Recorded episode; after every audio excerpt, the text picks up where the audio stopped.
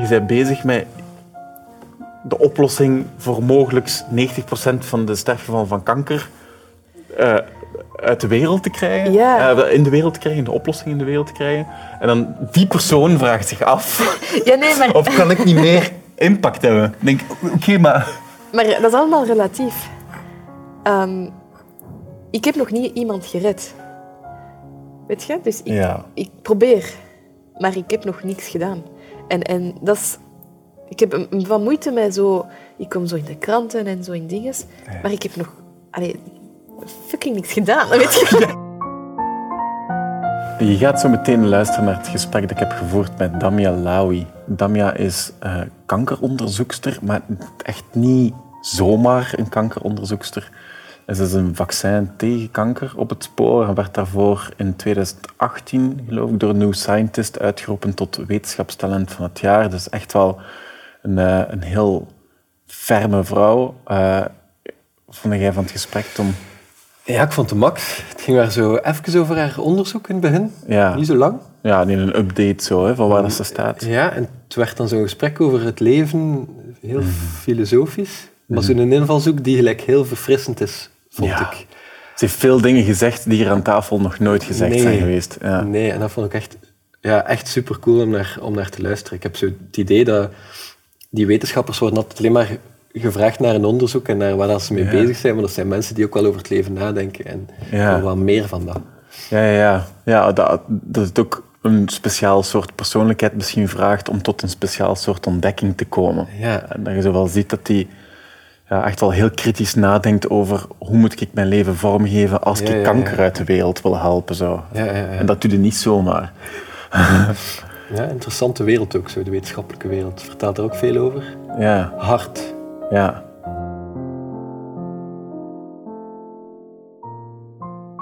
Mijn papa, zijn moeder, was Joods. Ja, Dus hij heeft zich altijd als Jood ehm, geïdentificeerd, zeg maar. ja. Maar zijn vader was, denk ik, redelijk ongelovig, maar wel moslim opgevoed. Dus mijn papa deed alle feesten gewoon.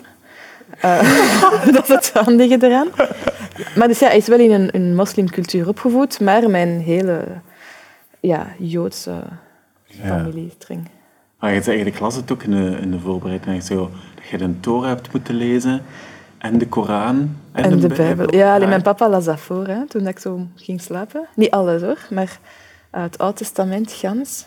Ehm, dat, is, dat is soms leuk, maar dat is wel zwaar, want je hoort liever andere verhaaltjes. Ja, ja. Dat, En ja, Koran een heel stuk en de Toren, dat is nog zwaarder om als kind zo te Ja. begrijpen. Maar dat is wel interessant en je ziet dan ook wel dat het op zich hetzelfde is bijna. Allee, ja. als kind zo. ja, dat Ik is heb het gelijk al gehoord. ja, die verhalen willen altijd zo hetzelfde, dezelfde moraliteit of zo. Ja, dat is wel blijken. cool eigenlijk. Want het is waarschijnlijk ook de reden dat hij het u alle drie heeft voorgelezen, om u te laten zien. Ja, het- hij was gelovig, hè? dus hij geloofde echt in God. Mhm. Maar dat dat nu Allah was, of, allee, dat maakte voor hem niet uit. Er Echt? was gewoon een God en religie was belangrijk. Terwijl dat mijn moeder, ja, die is in een christelijke school opgevoed, Ja, bij de Jezuïten en zo. ja. Maar ja, die is zoals de meeste Belgen gewoon gedoopt, uh, en, en totaal niet gelovig. Of Nee, geen belang aan. dat is wel schoon dat hij zegt van ik geloof in God, maar het maakt mij precies niet hard uit. Of, Ja, daar wordt veel over geschreven, maar zo Ja, vanuit alle religies bijna Ja. over geschreven. Zo open-minded, ja. Zo. Ja, ik denk dat als je daar veel over nadenkt, ik denk dat heel veel gelovige mensen wel akkoord zijn met wat er in andere religies wordt gezegd, of toch bepaalde dingen. Ja, zo en die gedeelde moraliteit. Ey, Als het Ja. over de belangrijke dingen Ja. gaat, zeg maar. Niet Of over de waarden, dat zijn, die komen toch meestal terug. Ja, ja, ja. Dus ja, dat dat nu één of het andere geloof is. Ik heb één woord opgeschreven, omdat ik schrik heb dat ik het niet ging onthouden. En Ja. eh, dendritische cellen. ja. Cool woord. Ja. Ik denk dat ik, ik denk dat ik ooit in een quiz mee ga kunnen scoren of zo. ja, dat komt eigenlijk van het Grieks woord dendros. Dat denk ik boom wil zeggen. Ehm, en dat komt door het feit dat die cellen zo van die uitstulpingen hebben. Zoals takken van een boom. Ja. En ja, dat zijn de cellen waar dat ik nu elke dag mee bezig ben. Ja, waar je mee scoort. ook. Ja, ja. Nog niet genoeg om mensen echt te kunnen redden, maar Ja. dat is wel de hoop. Want als ik het goed... Ja, ik ga proberen, hè. Ja. Dus dat zijn, dat zijn ehm, cellen die je vindt in een kankergezwel. Je, eigenlijk, dat zijn cellen van je eigen afweersysteem, hè, Ja. je immuunsysteem. Ja. Dus die zitten in heel je lichaam. Die Ja. zitten nu aan het rondzwemmen. En hun doel is eigenlijk om te zoeken wat het er vreemd is in je lichaam. Ja. Dus welke bacterie, virus er niet zou moeten zijn, die kan dat herkennen. Ja. En die komt ook, stel dat je een tumor zou hebben, die komt ook in je tumor en die gaat dan je kankercellen herkennen en weten van, oh, dat zijn eh, vreemde cellen. Hier moeten we iets tegen doen. Ja. Dus je gaat dan eigenlijk die boodschap gaan geven aan een ander soort cellen, de T-cellen. En die gaan dan die kankercellen kunnen ehm dooddoen. Oké. Dat is, Maar Ja. die, de, de reden dat, dat dat niet werkt, is omdat die cellen, die dendritische cellen, dendritische cellen onderdrukt worden door het Ja. kanker. er zijn verschillende redenen. Dus ten eerste zijn er heel veel verschillende soorten dendritische cellen. Eh, dat was wat oorspronkelijk werkte waar dat we aan bezig waren. Vele mensen zeiden, ja, dendritische cellen die doen niks in kanker. Die zijn gewoon Die zijn daar maar... Die zijn daar, maar die kunnen niet veel doen. En we hebben dan ontdekt dat er eigenlijk verschillende soorten zijn. Waarvan twee soorten die wel heel effectief zijn in het herkennen van die kankercellen en de boodschap doorgeven. Oké. Ehm, en die cellen hebben we dan zo kunnen isoleren en eigenlijk kunnen gebruiken als een soort kankervaccin om ervoor te zorgen dat, ja, bij muizen dan, hè, Ja. dat muizen geen kanker meer kunnen krijgen. Maar, maar je zegt, dat die zorgen ervoor dat je geen kanker meer kunt krijgen. Het is niet, de, dus je moet de kanker nog altijd eerst op een andere manier wegkrijgen. Om, Wel, het idee is nu dat... Stel, u bent een, u bent een patiënt en je hebt zo'n longkanker. Je Of moet eerst... Of een muis.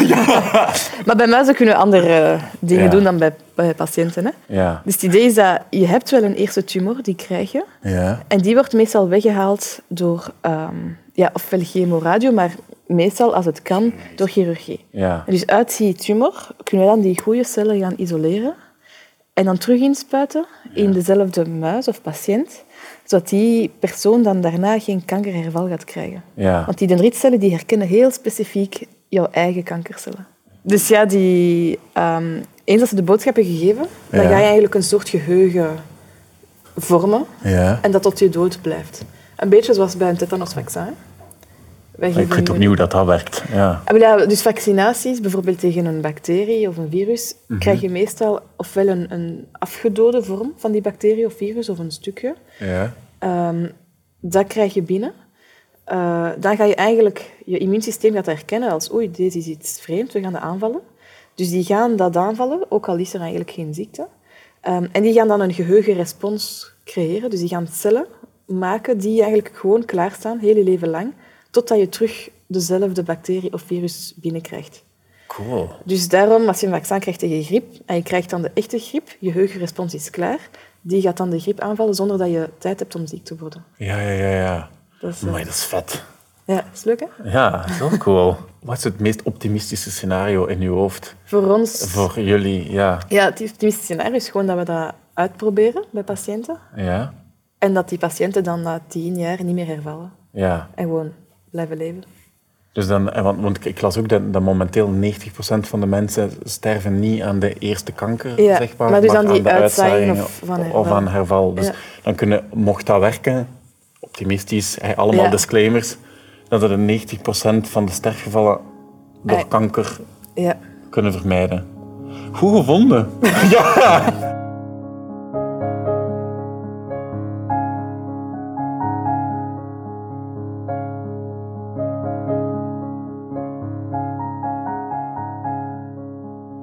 Heb je een heel goed idee en denkt van ik wil deze experiment uitvoeren, maar ja, ik kan het niet, want ik heb geen geld. En ja, dus dat, dat zijn heel veel factoren. Ik vind dat wel een zotte, want ik las dat ook in, in, in, in een interview. Je zei van, ik spendeer 25% van mijn tijd aan Ja. het zoeken van geld en dan één op de vier fondsen haal ik ongeveer binnen. Hey, Ja, wat dan nog veel is. Ja, want dat is, dat is zo Ja. veelbelovend. En je hebt zo, hey, op, voor zoiets belangrijk, de, de upside ervan is 90% van de sterfgevallen aan kanker die er dan niet meer zijn. Dus dan denken, oké, laat ons die persoon toch wat geld geven. of Ja, zo. ja, maar heel veel andere wetenschappers hebben ook iets potentieel heel veelbelovend. En je kan geen geld geven aan al die mensen met een veelbelovend idee. Is dat zo? Ja, dat weet ik niet. Dat is wat de, de regering waarschijnlijk weet. Want dat, dat is waar dat het geld vandaan komt. bij grotendeels. Grotendeels. Dus ja, veel van FVO, Fonds Wetenschappelijk Onderzoek, en dan ook van die charities. Hè. Kom op tegen kanker, Stichting tegen Kanker. Ja. Dus als je op kanker werkt, heb je eigenlijk nog dat voordeel dat er gemakkelijk geld uit de mensen wordt gehaald. ja. Als je op een fundamenteel Ja. probleem dat over proteïne gaat, ja, niemand begrijpt dat, niemand geeft daar geld aan. ja. Dus wij hebben eigenlijk echt nog een voordeel om meer kanalen te hebben om geld te kunnen vinden. Ah, dat is eigenlijk ook fout. Hè? Want zo gelijk kom op tegen kanker, die, die innen eigenlijk extra belastingen bij de mensen. Ja, ja. Die komen ons allemaal geld vragen, terwijl wij eigenlijk al belastingen geven om dat soort onderzoek te financieren. Ja. En om dat te... Maar het is wel nodig, want zou ik op Ja, tegen kanker niet zijn, dan zou een heel groot deel van ons onderzoek niet kunnen doen. Ja. En wat is, wat de makkelijkste piste om geld te vinden? Is dat eerder de kom op tegen kankers of is dat eerder de, de, de, de overheid? Of hoe zijn die applicaties? Dat is heel moeilijk. Er zijn heel veel factoren. Ten eerste moet je, voordat je begint geld aan te vragen, goed zijn. Dus je moet eigenlijk al een redelijk goed cv hebben.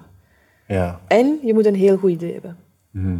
Maar dat idee moet innovatief genoeg zijn, maar niet zo zot dat. Allee, ja, dat- Ja.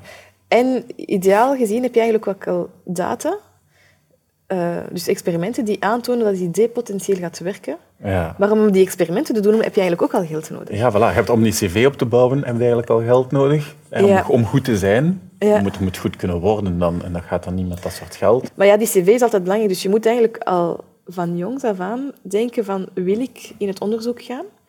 En een goed labo kiezen. En als je dan Ja. goed werkt en veel ideeën hebt, dan krijg je de betere posities op een publicatie. Ehm, Wat is de betere positie op een Dat publicatie? is- Is dat meer van boven? Eh, wel, Of- dat, dat hangt af ook van discipline. Ehm, sommige disciplines, Ja. daar staan alle auteurs gewoon alfabetisch. Ja. In mijn discipline is de eerste positie en de laatste positie de beste. De eerste positie is meestal de onderzoeker, eh, de PhD-student of de postdoc. Ja. En de laatste positie is meestal eh, ja, het hoofd van de groep, die eigenlijk ja, mee het idee heeft ontwikkeld, alles meer eh, ja, managt en ook voor het geld zorgt. Ja. En dus die twee posities zijn de beste. En dan ga Ja. je zo... Ja, dus de middelste posities. Ja. Wij noemen dat zo Mickey Mouse posities. Dat is meestal ja, voor collaborators die zo bijvoorbeeld iets hebben gegeven van die specifieke muis kan je gebruiken, maar die hebben eigenlijk niks bijgebracht buiten een materiaal of, Ja, ja, of één experiment hebben uitgevoerd dat enkel in hun labo ging. Ja. En je bent dan begonnen als... Je begint te streven van midden naar de eerste positie Ja, wel als in het je... begin van je carrière, om dan nu de laatste positie in te nemen op veel dus nu, publicaties. ja. Maar dus ik heb ook het geluk gehad dat ehm, mijn baas, waar dat ik dan mijn postdoc heb gedaan, mij al heel vroeg een laatste positie gaf, terwijl hij die ook zelf had kunnen innemen. Amai. En die mensen moet je ook identificeren, van in welke werkcultuur wil ik gaan, mijn Ja, ja, onderzoek ja. gaan doen. Ja. Ja, zo doordacht mee bezig geweest dan zo vroeg. Ja, de moeder is wel. En ik heb ook gewoon heel, aan heel veel mensen gevraagd van, hoe moet het? Dus ik heb echt zo een aantal Maar ja, hoe stelde die vraag? Je zegt dan zo van, ik wil de, ik wil de beste X worden in Y. Ja, het eens. nee. Wat moet ik doen? Ah ja, Of- ik heb zo'n aantal mensen dat ik volg, die ik fantastisch vind. En ik wil zoals hen volgen. En dan vraag ik gewoon, ja, hoe heb jij dat gedaan? Wat zou jij in mijn plaats Wie zijn doen? dat dan? Ah, bijvoorbeeld, een van die mensen heet eh Mohamed Lamkamfi. Ken ik niet. Die werkt in eh, Gent. Oké. En dat is iemand die ten eerste kinderen heeft. Ja. Dus dat is een, een goede wetenschapper. Ehm, maar heel goede wetenschappers met een familiaal leven, dat is niet zo eenvoudig te vinden. Dus dan Nee. moet ik eerst die mensen vinden. Van, Ja. Hoe doet je dat? Dat was omdat je wist, of omdat je al kinderen had, of omdat je wist van, ik ga kinderen willen. Ik en... wist dat ik geen kinderen willen. Ja, dus En- het was zo vroeg dat je je daar aan het Ja, afvragen. ja, ik was al 27 of zo. Ja. Dat is na ja. mijn PhD. Ja. En dan vraag je van, oké, je hebt een heel goede positie. Hoe heb je dat gedaan? Wat zou ik nu moeten doen? En die zei me, ja, jij moet eigenlijk nu vertrekken. En dan terugkomen. Ehm, en, en nu probeer ik dat ook te doen voor de jongere mensen. ja. Maar wel zo hyper ambitieus van in het begin, hè? toch? Maar het is niet echt... Allee, ik, ik heb bijvoorbeeld nooit gedacht dat ik een doctoraat ging doen. Ik heb een doctoraat gedaan omdat ik afgestudeerd ben in 2008, financiële crisis. Mhm. En was het ofwel een werk, werk zoeken in de financiële crisis, of gemakkelijk een doctoraat gaan doen Ja. dat goed betaald wordt in België. Ja. En dan zit je zo in een soort ja, Ja. weg. Na een doctoraat is het logische ofwel naar de industrie gaan, Ja. ofwel een postdoc doen. Ja. Industrie wist ik totaal niet wat het er was van opties. Postdoc was ook weer de gemakkelijke optie. Ja. En ja, dus dan moet je zo een beetje kijken van... ja. Ik vind het raar dat je niet gewoon ja zegt op de vraag hoe dat je mega ambitieus bent. Want in, in alles wat ik las... Ja, Ik, ik, ik denk Dat dat, er een keer hebt gezegd, ik wil een dat je- superwoman zijn. Dat zelfs Ja, dat- letterlijke quote van het u hangt er is. vanaf hoe je ambitie ehm Hoe zou jij dat definiëren, dat je daaronder valt? Ik denk wel dat ik ambitieus ben in de zin dat ik zo het beste van mijn eigen wil worden. Mhm. Maar ik ben niet heel competitief, bijvoorbeeld. Ik wil niet zo het beste labo hebben. Ik wil een leuk labo hebben, waar dat ik mij goed voel. Ja. En dat zouden andere mensen dan niet ambitieus genoeg vinden. ja, is dat zo? Ja, maar je hebt, ja, je hebt de hardcore wetenschappers die zo echt kei ambitieus zijn. Ja. Die alles doen voor hun wetenschap en, en ik ben niet zo. Dus daarom antwoord ik niet ja op de vraag. Maar uiteraard ben ik wel ambitieus, omdat ik als profiel kunnen overleven en, en een goede groep hebben en goede papers. Maar dat is niet hyperbelangrijk, zolang dat ik gewoon als, ja, mijn onderzoek kan blijven doen. Ja. Dat moet niet het beste onderzoek of de beste publicatie van de wereld zijn. Maar heb- je zegt hè, dat je, dat je niet hyperambitieus bent omdat je niet alles voor je wetenschap doet. Ik, ja, ik, ik las dat je zo tijdens je moederschapsverlof acht uur per dag bleef Ja. werken. Dat je een burn-out had en dat je dan regelmatig moest overgeven, denk ik. Wat Ja. veel Ja, dat was bij mijn tweede, je tweede bij kind. mijn hè? tweede kind. Ja. Ehm, ja, het probleem... Wat was er niet genoeg daar? Je, Wat had er ziet- nog meer gekund? je zit wel in, in, in dat traject. Hè? En wat dat er toen het probleem was... ehm, dus als je zo'n mm, onderzoek publiceert, Ja. dan krijg je daar vragen op terug. En dan heb je bijvoorbeeld zes maanden om die vragen te beantwoorden. Oké. En je moet die publicatie om de zoveel hebben, omdat je cv anders slecht wordt. En ook al staat er op de cv carrièrebreek van het eh, zwangerschapsverlof, daar wordt toch niet naar gekeken. Of toch weinig. Dus ja, wij kregen die vragen terug. Ik was pas bevallen. Ik had een PhD-student die daarop werkte, maar die ging dat niet in zes maanden alleen kunnen. Dus ik moest daar mee op denken en werken. En, en ik dacht toen, ja, geen probleem, ik doe dat gewoon. maar Ja. toen bleek dat mijn lichaam dat niet oké vond. Nee. En ik begon ja, echt wel over te geven, flauw te vallen. En ik dacht dat ik zo een of andere virale infectie had. Ja. Dus ik ging naar de dokter en ik zei, ja, genees mij gewoon, want ik moet hier voortkomen. en zij zei, ja, nee, je moet rusten.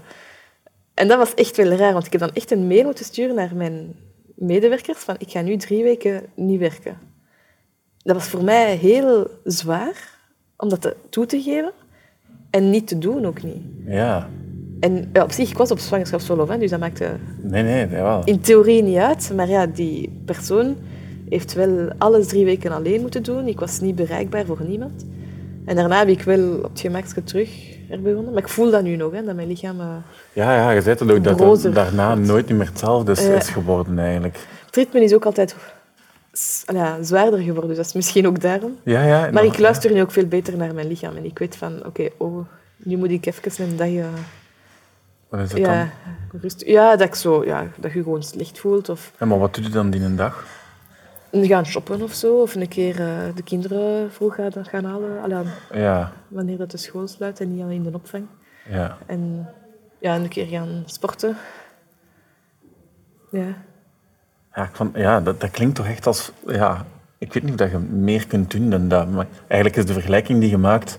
Iemand die geen kinderen krijgt versus iemand die wel kinderen krijgt. dat als je zegt, ik ben iemand die alles voor mijn wetenschap doet, dan spiegelt je u aan mensen die geen kinderen hebben. Nee, want Of- ik ken mensen met kinderen die, Nog meer doen. die heel veel doen. Die ofwel heel weinig slapen, ofwel...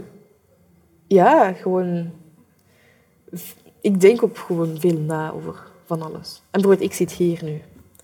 Als ik alles voor de wetenschap zou doen, dan zou ik niet twee uur naar Gent rijden om, om een Ja, gesprek te doen ja, dat mij ja. op zich niks oplevert. Weet je? Ja. Denkt u dat bij alles? Zo een beetje ergens? Nee. Ja, ja, nee. Dat is een moeilijke vraag. Ik probeer wel zo. uit te maken van... Daar ga ik nu ja of zeggen of nee. Want Ja. anders... Ja, je raakt er gewoon ook niet meer met je werk. En je moet ook wel goed genoeg blijven. Hè? Ja, ja, ja. Ja, dat is zo'n constant stok in uw rug. Zo. Ja. Dat klinkt vermoeiend. Maar je legt die stok ook zelf in je rug. Hè? Dat is mijn keuze. Ja. En ik besef dat ook.